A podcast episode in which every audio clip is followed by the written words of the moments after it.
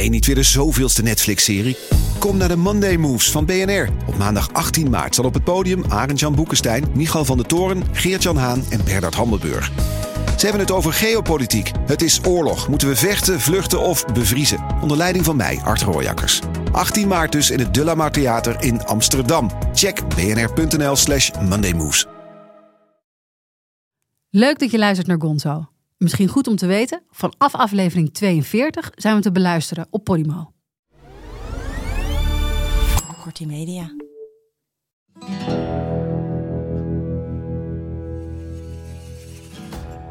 Dus ik wist ook wel dat dit eigenlijk de enige kans was om hem nog een keer te spreken.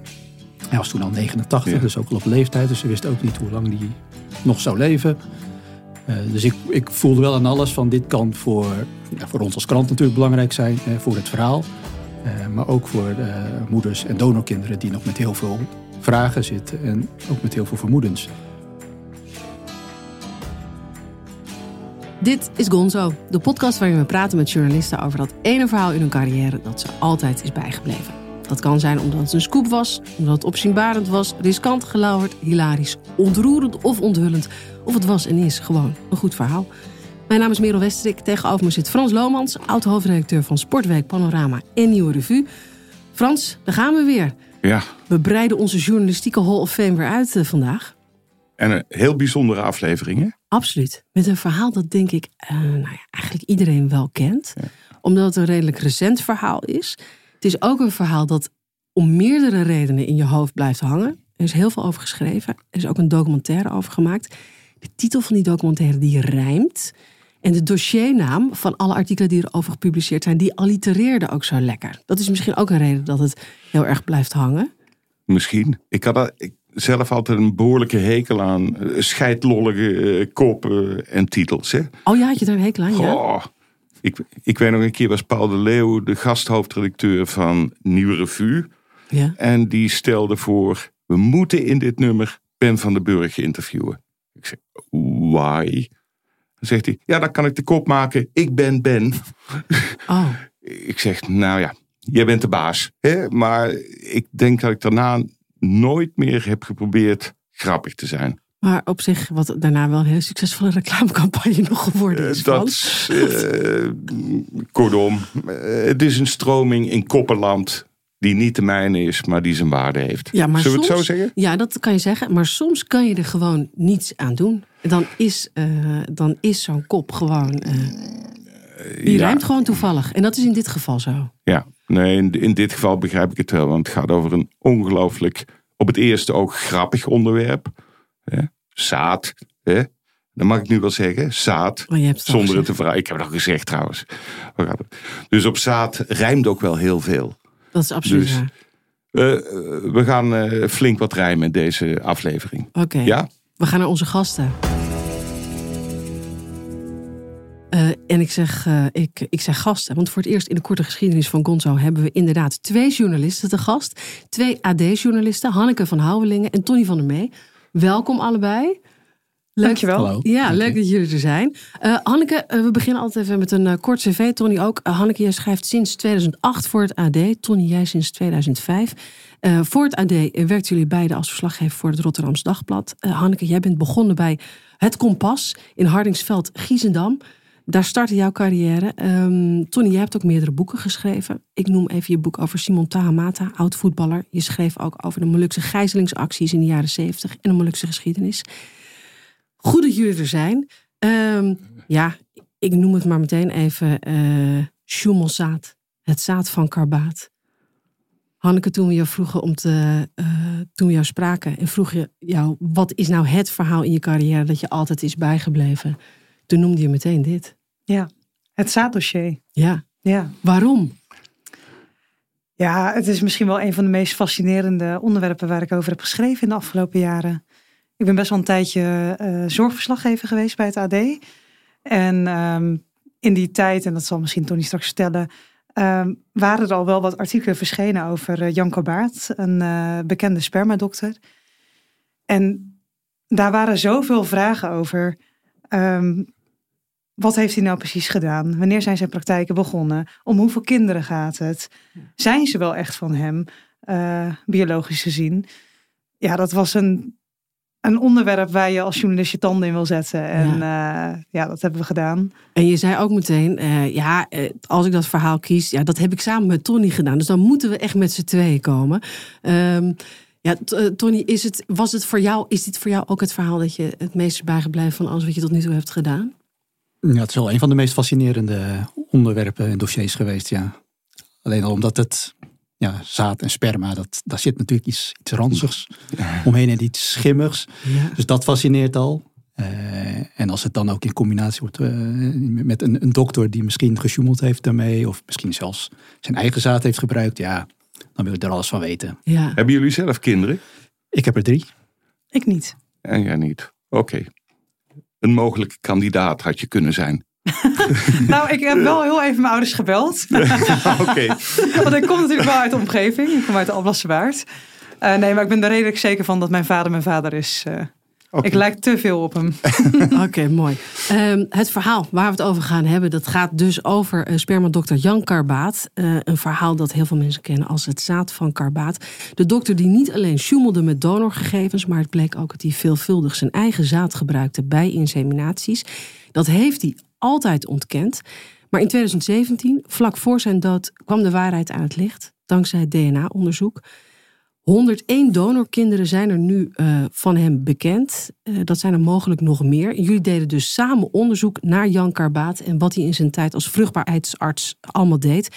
En jullie onthulden op 26 mei 2017 in het Algemeen Dagblad dat hij in de jaren 70 al, dus in de tijd dat hij nog bij het Rotterdamse Zuiderziekenhuis werkte, al vrouwen zwanger maakte met zijn eigen zaad. En dat hij dit dus allemaal al veel langer deed dan iedereen eh, dacht. Laten we bij het begin beginnen. Tony, ik uh, richt me eerst even tot jou. Hoe kwam dit verhaal uh, tot je? Wat is het beginpunt van dit verhaal? Het beginpunt is eigenlijk een mail die wij kregen van een van de moeders. Um, die zich door Karbaat had uh, laten behandelen. Ja. En die mail kwam denk ik, tot zijn geweest in mei, juni 2015 bij ons binnen op de redactie. Er was toen al wel iets bekend over Medisch Centrum Bijdorp, zoals de kliniek heette van Karbaat. in Barendrecht, vlak onder Rotterdam.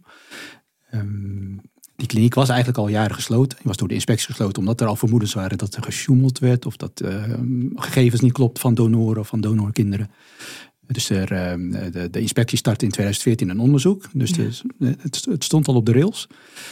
Um, en in 2016, dus eigenlijk een jaar nadat die mail binnenkwam, um, kwam het inspectierapport. En dat ging niet alleen over de kliniek van Kabaat, maar dus ook over andere spermabanken of klinieken. Um, en dat bleek genoeg dat er in de kliniek van Kabaat veel was misgegaan. Uh, dat de paspoorten van donoren niet klopten. De, uh, de moeders uh, kinderen hadden van verschillende donoren. Terwijl ze gevraagd hadden om kinderen van één en dezelfde donor. gegevens waren gewoon niet betrouwbaar. Administratie was kwijt. nou, er was gewoon heel veel misgegaan in die kliniek. Ja. En dat was eigenlijk voor ons het startpunt om ja, gewoon dieper te graven in Karbaat en zijn en, weet je nog wat die moeder uh, uh, mailde naar de redactie? Ja, het was eigenlijk een soort noodkreet. Van, hè, de, de, we hebben al jarenlang vermoedens dat er gewoon heel veel is misgegaan. Uh, er zijn kinderen met ehm, donorkinderen met erfelijke afwijkingen. En we vermoeden, dat was toen al, we vermoeden dat dat komt door een, ja, een autistische, half Surinaamse superdonor noemden ze die. Omdat er een donor was die kennelijk heel vaak gedoneerd had. Uh, en er waren toen al vermoedens dat hij misschien wel 200 donorkinderen uh, had verwekt in die kliniek bij Corbaat. Ja. Um, maar er waren dus uh, ouders die, die merkten toch dat hun kinderen ja, een soort autistische stoornis hadden. Ja. Um, dus zij vermoeden dat daar gewoon iets mis was gegaan in de kliniek. En er waren moeders die vonden dat hun kinderen heel erg leken op Karbaat. En was het een dossier dat jij ook uh, meteen opeiste op de redactie uh, bij het AD toen die mail binnenkwam en dat onderzoek zou starten? En dit... Ja, eigenlijk wel vanaf het begin. Want we zijn toen, uh, nadat het inspectierapport was verschenen, zijn we eigenlijk gelijk begonnen met een serie verhalen over, ehm, ja, natuurlijk over de misstanden bij die spermabanken. en in het bijzonder bij, bij Karbaat. Uh, dus dat was, was, was er geen strijd op de redactie van ik wil dit doen, ik wil dit doen, uh, vechtpartijen? Nee, het was ook... Um, uh, vechtpartijen ook Nee, dat dan nog net niet. Nee, nee het, is, het blijft natuurlijk, het, wat je zegt, weet je, het, het heeft ook iets grappigs. Hè. Het, het, heeft ook iets, iets, iets schimmigs. Ehm, Eh, maar ik zat toen ook al in de, in de zorgportefeuille samen met een collega, een andere collega toen nog. Ehm, dus het viel automatisch ook een beetje binnen ons, eh, binnen ons terrein. Eh, dus wij zijn eigenlijk gelijk mee aan de slag gegaan. En eh, ja, we wilden natuurlijk alles weten over natuurlijk die spermabank en hoe die wereld eruit zag. Maar in het bijzonder wilden we alles weten over eh, Bijdorp en over Karbaat. Maar die kliniek was dus al gesloten. Want wanneer, to- to- toch even Hanneke, want wanneer haakte jij aan in het dossier? Wanneer gingen jullie samenwerken eigenlijk? Ja, dat, dat was eind 2016. Toen waren we eigenlijk met een serie begonnen over eh, de schimmige wereld rondom eh, spermadonatie. Dus als je bijvoorbeeld in je eentje bent en je hebt een kinderwens, waar klop je dan aan? Eh, ga je dan bijvoorbeeld naar het buitenland of eh, eh, ga je op, zelf, zelf- zelfstandig op zoek op het internet? Ja. Nou, en dan met wie kom je dan in aanraking? En wat voor vreemde types lopen daar wel niet rond? Ehm, eh, de, de afsluiter van die serie was met twee donorkinderen. Ja, En die vertelden ehm, hoe zij nu in het leven staan. ja. Dus wat het met hen deed, dat zij niet weten wie hun vader is. En een van die vrouwen, die vertelde dat zij het sterke vermoeden had dat Karbaat wel eens haar biologische vader zou kunnen zijn. En waarom dacht ze dat? Nou, allereerst eh, was zij ook verwekt in die kliniek. Ja. Ehm, dus dat was natuurlijk al een aanknopingspunt. En wij wisten toen al dat er met eh, gegevens was gesjoemeld. Maar zij leek ook heel erg op hem. Ja. En wij zagen dat ook. Ehm, dus wij dachten dat te zien. Want later bleek dat zij geen kind van Karbaat was. Hmm. Maar zij heeft dat heel lang gedacht. Ze had dat hoge voorhoofd. Het beetje het knijpen met die ogen als ze lacht. Ehm, dus er waren wel wat eh, fysieke kenmerken ehm, eh, die overeenkwamen met Karbaat. Ze is zelfs met een, eh, met een worteltaart naar hem toe gegaan. Omdat ze met hem wilde praten. En terug naar mijn worteltaart noemden ze dat. Oh jee. Alleen hij heeft de deur niet open gedaan, dus die heeft ze niet kunnen aanbieden. En pas veel later dus, eh, tijdens de, het is na zijn overlijden, kwam ze erachter dat zij dus niet van hem afstamt. Eh, maar zij is wel een van de mensen geweest die dit hele dossier heeft aangezwengeld. Dus zij is ook een van de kinderen geweest die naar de rechter is gestapt. Dus ze heeft in die zin wel een hele belangrijke rol gespeeld. En toen ik dat verhaal hoorde, toen dacht ik, ja, dit is zo fascinerend. En hier zijn zoveel vragen bij te stellen. Hier wil ik gewoon meer van weten. En toen zijn we eigenlijk samen veel meer onderzoek gaan doen. En daar is een hele reeks artikelen uit eh, eh, Maar- verschenen. Maar, maar nog even, daarvoor had jij al, Tony, met Karbaat gesproken. Dat was jij had daarvoor hem al, al, voordat wij die eh, serie hem maakten. in september 2016 stond jij voor de deur bij de familie Karbaat. Stond voor En- dezelfde voordeur, ja. Je belde aan en, en toen?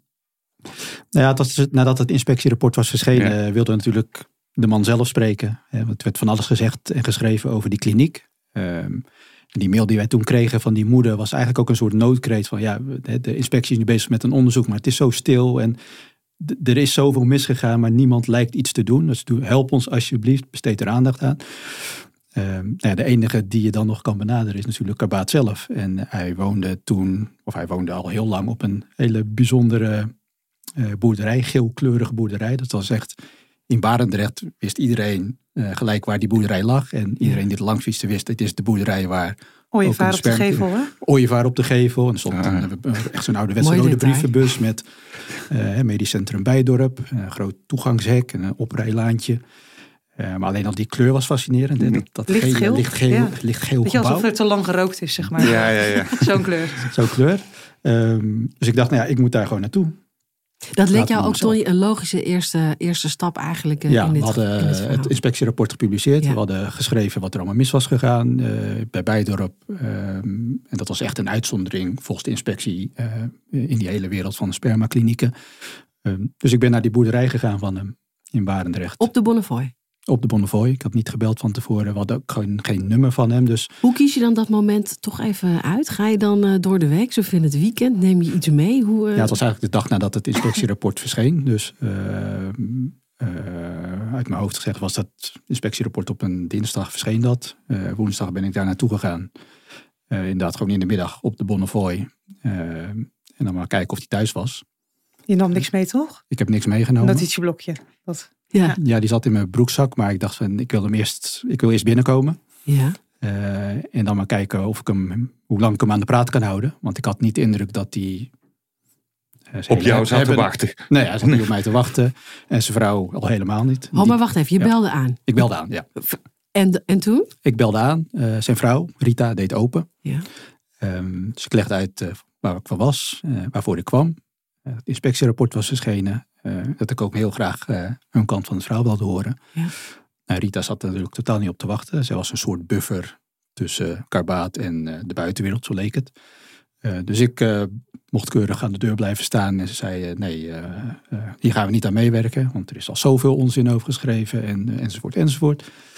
Ik van, nou ja, juist omdat jullie vinden dat er zoveel onzin over geschreven is. Ja, vertel, Vertel dan jullie jullie kant. kant van het verhaal. Ja. Nee, nee, daar zitten we absoluut niet op te wachten. Ehm, maar goed, maar ik zeg, eh, de- het risico is dat er dan nu eh, nog steeds onzin geschreven blijft worden eh, over de spermakliniek. Ja, Nou, dan ging ik toch maar naar binnen, want Karbaat zat dus gewoon binnen in de woonkamer.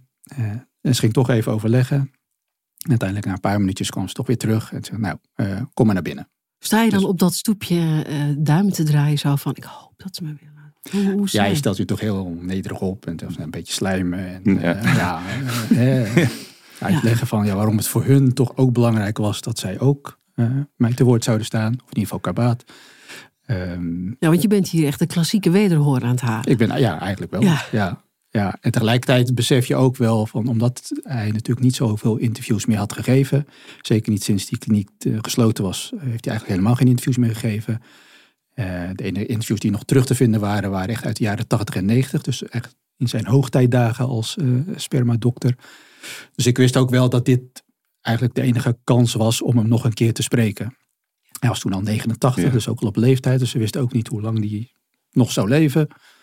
Eh, dus ik, ik voelde wel aan alles van dit kan voor, ja, voor ons als krant natuurlijk belangrijk zijn. eh, voor het verhaal. Eh, maar ook voor eh, moeders en donorkinderen die nog met heel veel vragen zitten. En ook met heel veel vermoedens. Dus ik besefte op dat moment wel eh, de impact en het belang van het binnenkomen. Je was met iets belangrijks Ik bezig. was met die dat belangrijks besefte bezig, je. dat besefte ik. Ja. En ik, ik, daarom stelde ik me ook heel nederig op. En ja, vooral niet beschuldigend van, eh, ja, dit wordt er gezegd, dit is geschreven. Ehm, probeer een beetje mee te voelen en zeg van, nou ja, het is toch wel... En Rita komt Ja. terug na een paar minuten. Zeg nou, kom maar binnen. Niet heel enthousiast, maar goed, ik mocht naar binnen. Oké. Eh, en ik weet nog dat eh, ik liep naar binnen. Het was een grote woonboerderij. Links was de deur naar de woonkamer, rechts was de deur naar de keuken.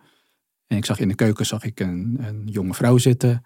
En achteraf bleek dat een, eh, een van de wettige eh, dochters van, eh, van hun te zijn.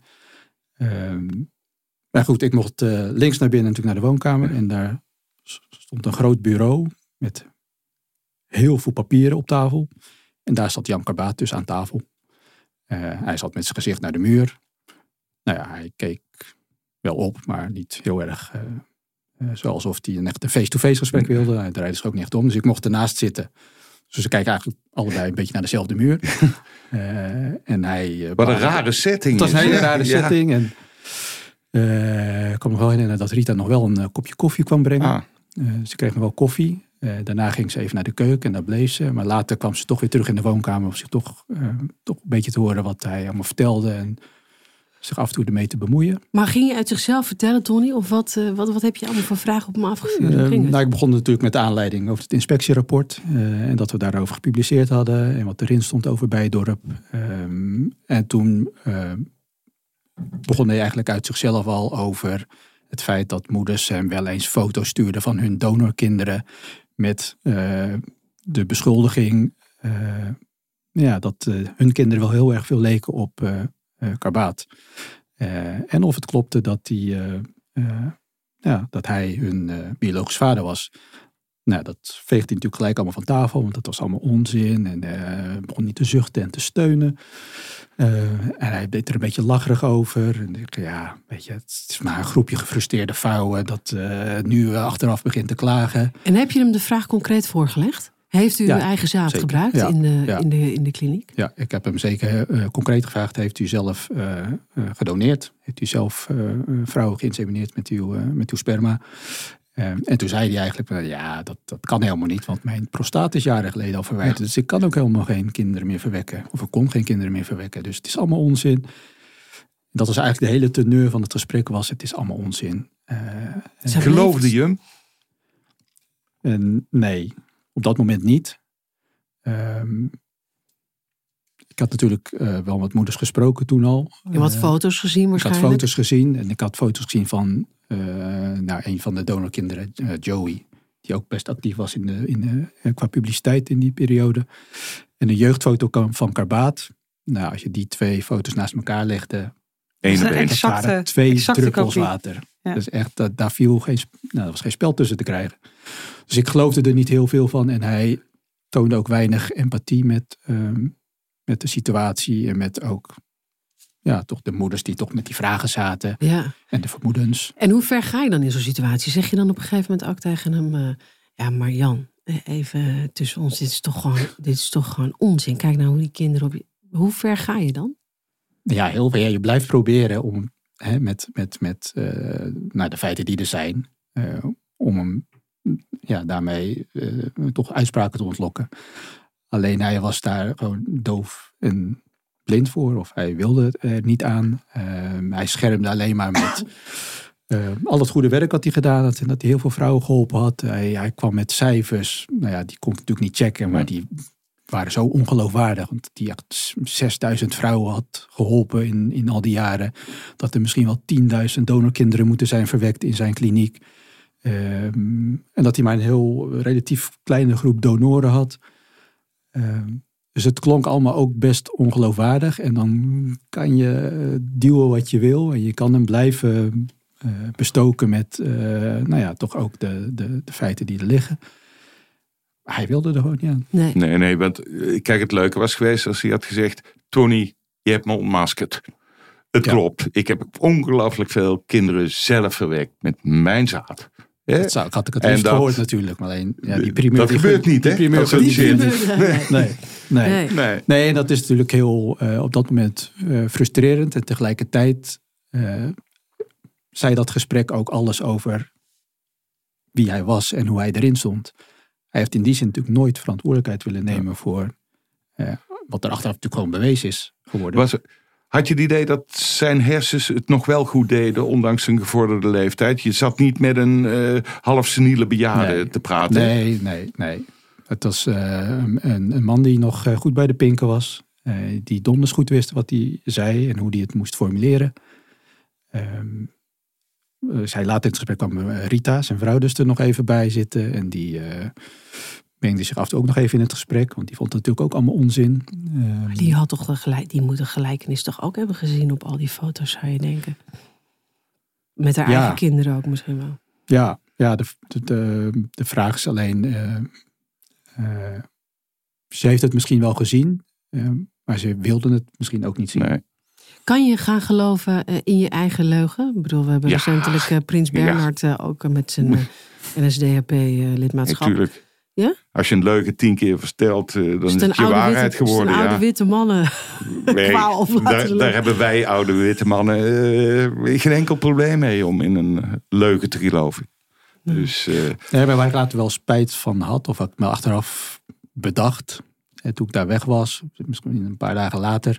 Een maand later werd bekend dat eh donorkinderen een rechtszaak tegen hem gingen aanspannen, omdat ze zijn DNA eh, op de manier wilden veiligstellen en kunnen vergelijken met hun DNA, om er zeker van te zijn dat hij inderdaad eh, wel of niet zijn eigen zaad had gebruikt. En toen dacht ik nog, ik heb naast hem gezeten. Eh, ik zat nou, praktisch naast hem. Waarom had ik op dat moment niet iets uit die woning meegenomen? Al was het maar een haar. Oh, een haar of Ja. een glas of een lipafdruk ja, op een glas precies. of Iets zo. waar zijn DNA op zat. Want dan had je misschien veel eerder aan alle onzekerheid een eind kunnen maken. had dat gekund als journalist, vind je? Met terugwerkende kracht. ehm, had dat gekund? Eh, ik had er denk ik geen moeite mee gehad. Ehm, moreel gezien niet, omdat ik wel aan, aan aan alles voelde dat ja, die man gewoon niet de waarheid vertelde. Dus ik had er zelf moreel geen moeite mee. Eh, alleen, eh, het zal natuurlijk nooit eh, als bewijs, formeel Nee. bewijs Nee. gediend kunnen hebben. Maar ik denk dat het wel eh, misschien donorkinderen een soort van eerder zekerheid had kunnen geven. Ja. Ja. Het, had, het had de wereld geholpen en het had eh, de journalistiek om zeep geholpen. Waarschijnlijk wel. Nee, Nou. ik weet het nee, Nee, nee dat overdreven. maar niet. ik, ik begrijp je gedachtegang. Ik had het ook mega ook, ja. cool gevonden als je het wel had gedaan. Hè? Als ja. je even naar de badkamer was gegaan en eh Ja, of al, al, al lag er maar Zijn tandenborstel had zijn shirt of zo. whatever. Ja, Ja, of zijn trui. Of, Had je zijn shirt uitgetrokken. ja. Had ik gewoon even over zijn schouder geklopt. eh. whatever. Ja. Uh, uiteindelijk, uh, Tony Black, dit is het uh, laatste interview met Jan Karbaat te zijn geweest. Want een half jaar later overleed hij. Inmiddels waren er een heleboel donorkinderen, je zei het al, die ehm, ja, vermoedens hadden dat Jan Karbaat hun vader was. Bij de rechter kregen ze gelijk. ze mochten met een DNA-test gaan uitzoeken of hun vermoedens klopten. Jan Karbaat was dus overleden. Ja, Hanneke, toen stopte het voor jullie zeker niet. Toen zijn jullie verder op onderzoek uitgegaan. Wat wilden jullie nog meer te weten komen? Um, nou, we hadden verschillende vragen. We wilden weten wanneer die begonnen was. We wilden weten hoe omvangrijk het was. Kijk, inmiddels weten we dus dat het om 101 donorkinderen gaat. Um, toen ging het om 19, denk ik? 19 bij de eerste DNA-match. Ja, de eerste DNA-match. Dus het moet je nagaan hoe het in, in een paar jaar tijd is geëxplodeerd. Ja. Dus we wilden weten hoe omvangrijk het was. Um, nou, we wilden misschien ook wel achter zijn beweegredenen komen. Van hoe is het van dat startpunt gegaan naar, ja. uh, naar nu. En waar begin je ehm. dan als je wil weten wanneer dit allemaal begonnen is? Hoe pak je dat aan? We hebben een dossier aangemaakt samen. Dat, we noemen het dan grappend het zaaddossier. Maar de inhoud was natuurlijk vrij serieus. Um, uh, we zijn naar het stadsarchief gegaan. We, zijn naar, we hebben geprobeerd uh, oud-collega's te vinden. Um, uh, we hebben in de archief van het ziekenhuis denk ik ook gezocht. Ik zit heel even Tony aan te kijken. Uh, we hebben contact opgenomen met uh, wettige kinderen, met donorkinderen. We zijn met wensouders gaan praten. Dus de ouders die de kinderwens hadden, die hebben aangeklopt bij uh, Kabaat. Om te vragen van hoe ging het destijds? Welke contracten sloot je? wat waren de afspraken? Wat wist je wel en wat wist je niet? Ja. Um, kon je vermoeden hebben dat hij zijn eigen zaad gebruikte? we hebben ook een van de donoren gevonden. Die, en, en toen bleek dus gaande dat we, we, we spraken meer mensen, hebben uit collega's gesproken en uiteindelijk ontstond er een beeld uh, dat, dat voor hij zijn eigen kliniek uh, opende in, uh, in Barendrecht, toen was hij directeur van ehm, de vruchtbaarheidsafdeling, of hij was directeur van het Zuiderziekenhuis. Medisch directeur was hij van het Zuiderziekenhuis. Ja, hij was medisch directeur van het Zuiderziekenhuis in Rotterdam. Alleen alles wat hij daar binnen zijn eigen vruchtbaarheidskliniek deed, was eigenlijk niet zichtbaar voor anderen. Dus hij runde dat helemaal zelf. Van de intake, de correspondentie, de contacten met de ouders, de inseminatie. Zijn eigen vruchtbaarheidskoninkrijkje. Zijn eigen tokootje, ja, ja. En als we even teruggaan naar die tijd, want hoe, hoe, hoe, hoe, hoe was de regelgeving destijds op, op, op spermadonatie? Was daar, was daar überhaupt wat voor. Ja, er was in die tijd was er gewoon nog geen, geen wet. Uh, Geen regelgeving, dus er is ook helemaal geen toezicht. Um, zelfs niet binnen het ziekenhuis zelf. Dus hij was medisch directeur van het Zuiderziekenhuis. Ja. Hij had ergens in een aparte vleugel had hij dus uh, een, een, soort uh, vruchtbaarheidskliniekje. Of in ieder geval een ruimte waar hij donoren ontving en vrouwen insemineerde. Um, alleen geen van de collega's die wij hebben gesproken, die met hem werkten, niet van het lab, niet in de directie, die wisten eigenlijk wat hij daar precies deed. Uh, die hebben, en je ziet ook in de archieven, in de jaarverslagen, zie je ook helemaal niks terug over uh, ja, de spermabank die hij in het ziekenhuis runde. Dus dat is natuurlijk al opvallend. Ja. Uh, maar ook vanuit de gemeente, het ziekenhuis viel formeel onder de gemeente Rotterdam. vanuit de gemeente werd er ook helemaal geen toezicht gehouden. Er werden geen vragen over gesteld. Dus hij had daar echt letterlijk zijn eigen koninkrijk inderdaad. En hij, ja, niemand wist, niemand, niemand controleerde het ook. Dus niemand wist ook wat er gebeurde. Er was ook geen regelgeving voor hoeveel, hoe vaak je mocht doneren. Pas later is, het, uh, is dat vastgesteld hè, dat je als, uh, als donor uh, eh, 25 keer mag doneren. Maar dat was toen helemaal niet. Er zat geen rem op. Je kon ook als donor kon je naar verschillende klinieken. daar kreeg je ook geld voor. Maar was hij een pionier? Op, op dit vlak eigenlijk, als het gaat om vruchtbaarheidsbehandeling, uh, sperma. Ja, zeker. Ja, hij was wel een pionier. Hij, is, hij heeft ook geëxperimenteerd met uh, het invriezen van zaad. Dus voorheen was het zo in de jaren 60, 70 dat uh, uh, er vers zaad moest worden geproduceerd. En bijvoorbeeld een kamertje ernaast. Ja. Daar werd de vrouw mee geïnsemineerd. Ja. Maar hij is een van de eerste geweest die het is gaan invriezen. Hij heeft ook allerlei technieken geprobeerd om het sperma langer houdbaar te maken. Hij we hebben wel eens gehoord dat hij het mengde met ja. uh, de dooier van een uh, kippenei. Om dat sperma dan langer te, nou ja, houdbaar te laten zijn. Oh, hij had, had, bij zijn boerderij had hij ook zijn eigen kippen. oh ja? ja? Dus hij uh, gebruikte dan de eieren van zijn eigen kippen om te experimenteren met het, met het eigeel. om dat dan te mengen met het, um, met het sperma. Om het op manier langer houdbaar te houden. Ja. Dus hij was in die tijd was die, eh, was die echt vooruitstrevend. En eh, misschien ook wel een van de, misschien wel de enige in zijn vakgebied. Die gewoon heel veel wist over de hele wereld van, van eh, eh, nou ja, eh, eh, spermadonaties. Het was een briljante man, hè? Hij was ook Heb super idee, intelligent. als- als Hij- hij- maar Hij was wetenschapper. echt super intelligent. En hij, hij experimenteerde daar al mee. Dus toen hij eh, nog in Suriname, voordat hij eh, in het Zuiderziekenhuis directeur werd, eh, werkte hij in het militair hospitaal in Paramaribo. Ja. En daar begon hij eigenlijk met zijn praktijken. Daar kwamen jullie ook achter. Ja, want dat heeft hij eigenlijk in een interview verteld. Dat was het interview, het geruchtmakende interview van Tony met, eh met Karbaat. Daar vertelde hij dat hij op een gegeven moment door twee blanke vrouwen werd aangesproken. Die wilden graag een kind. En ze hadden hun oog laten vallen op een knappe creole, de taxichauffeur van, van Karbaat. Of die man misschien wilde doneren, dat was de vraag. Nou, toen zei Karbaat, eh, nou, ik heb niet mijn taxichauffeur dan eh, op het oog voor jullie, maar misschien weet ik wel iemand anders. Ze zijn uiteindelijk gekoppeld aan een, eh, aan een verpleger van het ziekenhuis. En daar is het begonnen.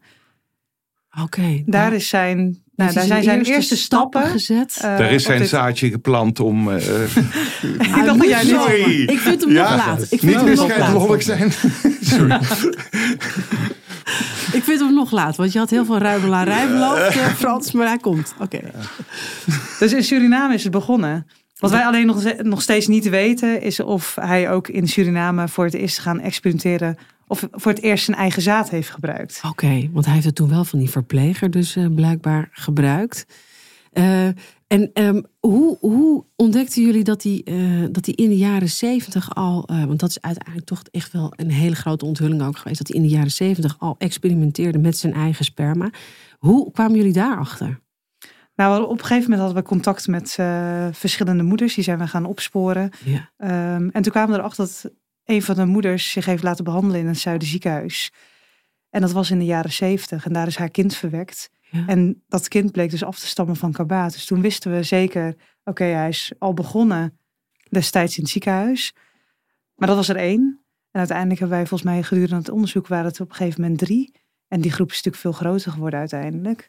Eh, maar dat, eh, Ja, het was toen kort nadat de eerste DNA-matches bekend waren. Eh, en dat is nog niet eens, eh, dat kwam nog niet eens voort uit de rechtszaak.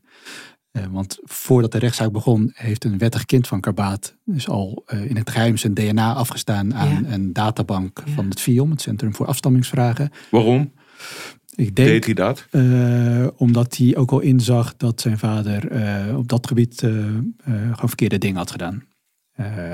En hij had, we hebben later contact gehad met hem, maar hij wilde niet on the record zijn verhaal doen. Maar hij schetste geen best beeld van zijn vader zoals hij hem kende.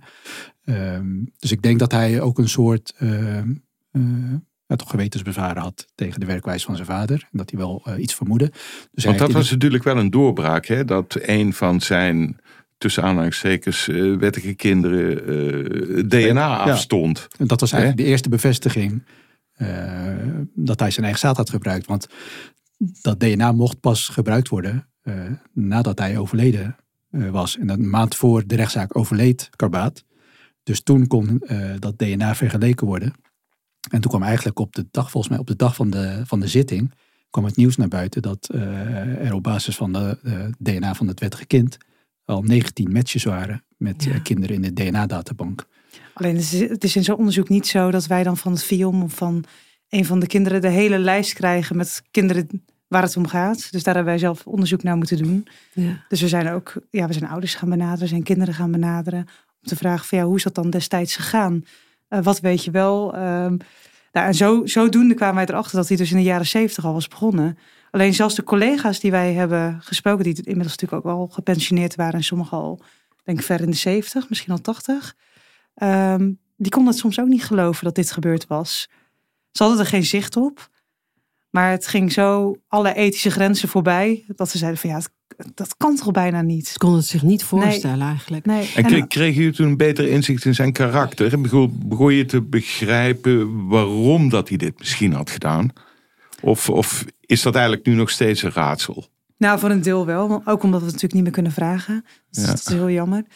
Ehm, ja, wij denken dat hij in eerste instantie dit heeft gedaan eh, om vrouwen te helpen. En, en hij, het was een hele slimme man. Uh, hij heeft echt wetenschappelijk werk verricht. Ja, baanbrekend geweest in het Zeker, vakgebied dan ja, ook. Met zeker. Het succesvol invriezen Ja. bijvoorbeeld van sperma. Wat ja. Ja. misschien daarvoor nog Maar, Dus ik ook, denk maar dat- ook weer een soort eh, go- goed hart in de zin van eh, hij behandelde ook alleenstaande vrouwen. Hè? En Ja, eh, En later ook eh, eh, lesbische, vrouwen. Het, het maakte hem niet uit. Nee, Nee, hij was echt vooruitstrevend eh, op dat gebied. Ja. Echt, eh, ja, dat was hij zeker. En eh, in die zin denk ik ook dat hij op die manier begonnen is. Dus ik denk dat hij wel streed voor een goede zaak. En dat hij, alleen ik denk dat hij ergens gaandeweg het overzicht is verloren.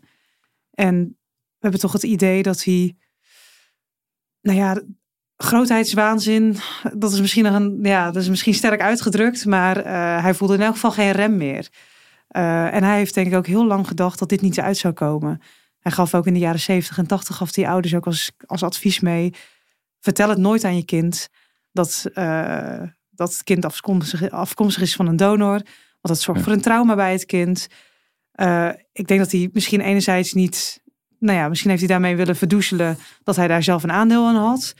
Maar hij heeft ook echt nooit kunnen vermoeden dat de DNA-technieken zo goed zouden worden... dat we uiteindelijk zouden ontdekken Ja. dat deze kinderen van de dokter afstammen. Ja, want hoe, want, want hoe zaten eh, de, de, de kinderen erin? Het was natuurlijk heel verschillend. Ik kan me voorstellen dat sommige kinderen gewoon blij waren dat ze er waren. Of moeders blij waren dat ze zwanger eh, geworden waren. Desnoods van het zaad eh, van Jan Karbaat. Maar Ja, we merkten bij de er moeders veel verschil in zat. veel boosheid. ja, omdat zij natuurlijk op het moment dat zij aanklopte bij de dokter hadden ze al een heel traject erop zitten. Waren ze misschien al jaren bezig met het krijgen van kinderen, wat niet lukte. De dokter is natuurlijk iemand die je vertrouwt. Daar moet je blindelings of blind op kunnen vertrouwen.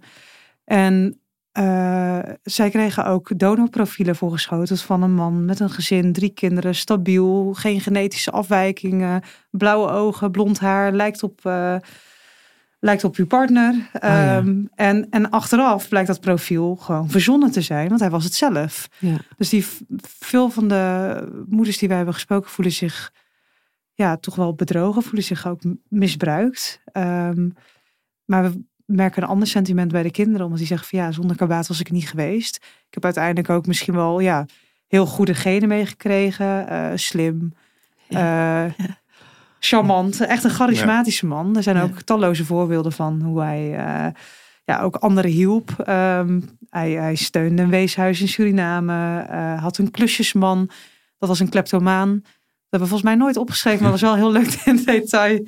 Ja, je moet op een gegeven moment kiezen in je artikel Ja, van wat breng je wel, wat breng je niet.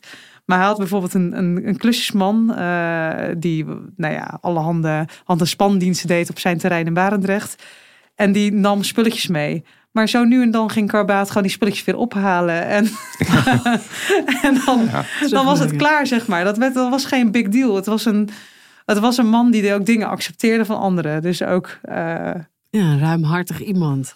Ja, en- zo, zo kwam die wel over. Alleen, en, en die kinderen zien ook die kant. Ja, Het is natuurlijk ook heel moeilijk om een deel van je eigen identiteit af te wijzen. Ik bedoel, je, eh, je staat voor een voldongen feit. Je kan het niet meer veranderen. Eh, eh, het is een deel van jezelf. Je hebt een, nou ja, de helft van zijn genen. En hij had gewoon go- goede genen ook. ja. Hij had goede Ja, genen, Hij ja. was echt super Dus intelligent, daar had zijn ze- hoge IQ en eh, Ja. was gezond verder. In die zin zijn ze daar natuurlijk niet ontevreden mee. Nee. Alleen het is natuurlijk jammer dat ze geen kans hebben gekregen om te leren kennen. En daar zijn natuurlijk wel talloze pogingen eh, voor ondernomen. Ja. Ehm, en dat, dat misschien wel narcis- nar- narcistische deel. Ja, daarvan. En, en, en ook later is er. ehm er zullen misschien straks op komen. Ook wel ehm, eh, misbruik bij de moeders naar voren gekomen. Kijk, dat deel, dat MeToo-gedeelte. Daarvan kan je alleen maar hopen dat je dat niet. ehm, dat je dat niet in je hebt. Dat je dat niet. eh, dat je dat nare, de nare trekjes van hem niet hebt overgenomen. Ja. Toch even nog, want, want jullie hebben heel veel mensen gesproken in jullie eh, onderzoek in dit dossier. Welk gesprek zal jij altijd bijblijven, Tony? Ehm, Naast ja, het interview dat, met eh, Jan nou, Karbaat. naast het gesprek met hemzelf natuurlijk. Ja, Ehm, nou, ik denk wel eh, toch het ehm, eh, gesprek met de moeders die zich eh, toch heel erg misbruikt eh, hebben gevoeld. Ehm, En waar zat dat gevoel dan precies in? Dat je je misbruikt voelt? Dat je gewoon, er is gelogen over de donor.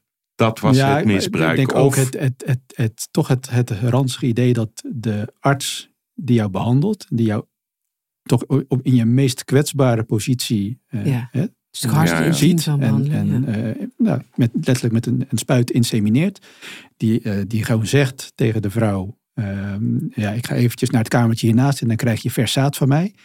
En als je achteraf dan bedenkt dat dat verse zaad, dat dat gewoon van Uit de hem dokter is gekomen. Ja. is. Gewoon, en je wordt daarmee geïnsemineerd. En je hebt Ja. daar gewoon niet zelf de keuze in gehad. Hè. Je- Van tevoren heb je intakegesprekken. Je geeft aan wat je wensen zijn. Eh, hè, je wil het liefst, eh, er werd op een gegeven moment werd er gezegd van ja, we, we kijken of we een donor kunnen vinden die nog een beetje lijkt, als het om stellen gaat, die een beetje lijkt op je man. Want dan hè, krijg je later geen, geen ingewikkelde vragen van, van mensen uit de omgeving. Van joh, eh, het kind lijkt niet op jullie. Ehm, dus er werd echt wel gekeken naar de maakbaarheid ook van, van het hele ja, Maar de, de leugen was het De misbruik. leugen was het misbruik. En later natuurlijk gewoon ook letterlijk het misbruik. We kregen in, eh, dat was in eh, 2017 al, de eerste mail van een moeder. ehm, die eh, ze vertwijfeld afvroeg naar alle publiciteit van. Ja, ik, ik, ik heb bij- op die behandeltafel gelegen. En toen ik in de, ze noemden dat de gynaecologische positie, maar dat is dan in de, in de stijger. In de beugels. Ja, lig je in de Ja. beugels met je benen ja. Ehm, Dat hij toen ook met zijn hand ehm, over haar dijbeen streek richting eh, eh, nou, haar in, meest intieme deel. Met de tekst, ehm, ja, ik ga jou wel zwanger krijgen. En die wilde op dat moment niet on the record daarover vertellen. Maar die was op zoek naar andere eh, moeders uit die periode. Om te vragen, hebben jullie ook dat soort ervaringen gehad? Die vrouw heb ik toen in contact gebracht met een besloten Facebookgroep van moeders van eh, eh, bij het dorp. Ehm, en die verhalen bleken breder gedeeld te worden. Alleen niemand durfde daar op dat moment over te, over te praten. Ook omdat ze zich natuurlijk rot schaamden. Maar ook omdat ze zich gewoon ontzettend... Een van hen zei gewoon, ik voel me gewoon, ik voel me nu achteraf gezien ook letterlijk verkracht Ja. door hem. Want ja, dat is, Ja. dat is, dat is toch afsch ja, dat is afschuwelijk. Want die kant zit er dus ook aan hem. Ja, en, dat, en daar, daar kunnen de kinderen natuurlijk ook niet eh, van wegkijken, de donorkinderen. En daar zijn ze ook wel van geschrokken. Ja, want op het moment dat het naar buiten kwam, want wij, wij, ja, wij waren dus wel met die verhalen bezig, maar het was nog niet de tijd, denk ik, om dit al te vertellen. Dat heeft wat, dat heeft wat jaren gekost. Nou, uiteindelijk is er een hele goede documentaire geweest van eh Mirjam Goedman, ehm, Het Zaad van Kabaat, waarin die vrouwen naar voren zijn gestapt. En hebben verteld wat hen is overkomen. En ook verteld hebben over de schaamte die ze hadden. En soms hebben ze het ook niet aan hun partner verteld. Omdat ze die kinderwens zo diep voelden. Dat je het dan maar ondergaat. Maar als je dan later ook nog hoort dat de dokter zijn eigen zaad heeft gebruikt. Ja, dan is dat... Ja, dan is die leugen en dat misbruik eh, is nog zoveel heftiger dan... eh, Ja. Ja, het is ook moeilijk, moeilijk voor te stellen dat eh, er dus vrouwen zijn die, eh, die daar jarenlang mee gelopen hebben, zonder dat ze het verteld hebben. En die het hebben ondergaan, eigenlijk alleen maar om hun kinderwens in vervulling te zien gaan. Ja, en omdat ze natuurlijk bang waren dat als ze er wat van zouden zeggen, dat hij zou zeggen: joh, eh, dan doen we toch Ja, niet eh, een inseminatie dit ja. keer. Terwijl je zo graag een kind wil en eigenlijk alles wil proberen om dat voor, voor elkaar te krijgen. Ja, en er waren ook niet heel veel andere plekken in die tijd. Hè? Dus het was, eh, je had een paar uh, vruchtbaarheidsklinieken in uh, Nederland en daar, uh, daar moest je het mee doen. Ja. En dat is natuurlijk het grote probleem, het enorme tekort aan Ja. spermadonoren. Ja. En dat is decennia lang is dat zo gebleven. En dat maakt ook dat, uh, en Karbaat is natuurlijk niet de enige gebleken, want afgelopen jaren zijn er meer uh, voorbeelden naar buiten gekomen van artsen die hetzelfde hebben gedaan. En Karbaat was de eerste van wie het naar buiten kwam. Maar het was, in die tijd was het tekort zo groot dat de vrijheid van die artsen, of de ruimte die die artsen hadden en namen, uh, ook ontzettend groot was. Ja. Want hij heeft ongelooflijk lang zijn gang kunnen gaan. Hè? Zonder Heel dat. Bedoel, ze, uh, niets deugde eraan. Zijn 40 jaar of zo, denk ik, administratie en De uh, organisatie niet. niets maar- werd nee. fatsoenlijk bijgehouden. Nee, maar als je kijkt naar de leeftijden van zijn, de kinderen, de donorkinderen die dus van hem afstammen. De, jongste is 27, dus dat is 1995, 1996. En de oudste is uh, 51. Ja, dus daar zit gewoon bijna een kwart eeuw zit daartussen. Maar En dat, is van het, uh, van het Zuiderziekenhuis tot aan uh, Tot met Bijdorp. tot Bijdorp. Ja. En misschien dus al wel eerder. Ja. Ja. Jullie hebben eh, op, eh, op een gegeven moment ook nog een kerstdiner georganiseerd. Voor de donorkinderen. Wie's idee was dat? Ja, ik, ik, ik denk dat wij uh, aan het eind van het jaar ga je altijd brainstormen. Ja. En dit was zo'n dossier geweest. Ja. waarin we zoveel verhalen hadden geschreven. En ik denk dat wij in een soort brainstorm, een soort zaadbrainstorm Ja. sessie, zijn wij tot het idee gekomen van hoe willen we dit jaar dan ook soort positief afsluiten met een verhaal. Want kijk, je kan er heel veel van vinden en heel veel over naar buiten brengen wat er, wat, wat er mis is aan. gegaan en wat er wat voor heftige gebeurtenissen aan aankleven. Maar eh, wat het ook heeft gebracht is dat veel van die donorkinderen er familie bij hebben gekregen en mensen waar ze herkenning bij in vinden. Dus Ja, en er is iets opgelost in hun leven. Er is een, een, antwoord gekomen op een vraag die ze. Zeker, ja, want wat, wat het was, het was misschien nog wel goed om te zeggen. In de jaren 70, 80 kregen die ouders te horen: vertel het niet aan je kind. Vertel Ja. niet dat, de, dat je vader, of ja, in dit geval de partner, dat dat niet de biologische vader is. Want dat levert een trauma op voor het kind. Maar we weten inmiddels nu dat kinderen vaak toch wel voelen dat er iets aan de hand is, omdat je geen herkenning vindt. Dat het juist een trauma oplevert als je niet weet Precies, waar je vandaan ja. komt. Ja. Die rechten van het donorkind zijn ook veel eh, belangrijker geworden. Er zijn ook de, de wetten zijn aangepast, omdat we inmiddels weten dat als je niet weet van wie je afstamt, dat dat voor veel meer psychische ellende kan zorgen. Ja. Ehm, dus het oplossen, zeg maar, of het is het, het weten van wie je afstamt en dan in aanraking komen met je familie. eh, dat was eh, eigenlijk voor veel kinderen eigenlijk ook juist iets heel eh, moois. Er zijn hele warme vriendschappen ontstaan, echt broer-zusrelaties. En kwamen er op het kerstdiner ook echt broers en zussen samen die elkaar nog nooit hadden gezien? Ja, we hebben het zo gedaan. We zijn eigenlijk van tevoren zijn we gaan bellen. We hadden een hele lijst. We hadden, want eh, de, teller stond toen op 40 donorkinderen. Inmiddels zijn dat dus 101. Dus we zijn iedereen gaan bellen. Nou, sommigen hadden natuurlijk geen trek in. Die dachten van nou, nog meer publiciteit, laat maar zitten. Andere, anderen konden gewoon niet. En toen bleef er een soort kerngroep over van 10 man. Alleen eh, vlak voordat wij dat kerstdiner hadden georganiseerd, was er weer een nieuw telg bijgekomen. Eh, Christian. En eh, eh, er is één eh, donorkind die het smoelenboek bijhoudt. Ja. Die houdt en die verwelkomt ook nieuwe familieleden. Oh, wat goed. En die houdt eigenlijk de administratie bij. Ja, mooi. En ehm, eh, nou ja, die had dus gehoord. Ik geloof dat, dat Christian net zijn DNA-match binnen had via het FIOM. En dat vijf minuten later een mailtje binnenkwam van de pater familias. Die eh, zei van nou, ik wil je wel ontmoeten. Ze bleken overigens ook zes minuten van elkaar vandaan te wonen. Ach. Dat is ook nog bizar dat je elkaar dat- kan tegenkomen in dezelfde supermarkt. Eh, nou ja, je kan elkaar op tegenkomen op straat, noem Ja, maar op. ja. eh, bij dezelfde sportclub zitten. En we hebben toen gevraagd van joh, Christian, zou je het leuk vinden om ook aan te sluiten bij het kerstdiner? En dan kan je ook gelijk een aantal van je halfbroers en zussen ontmoeten. Nou, dat heeft hij gedaan en dat was ook een hele bijzondere ontmoeting. Je zag ook de uiterlijke gelijkenissen.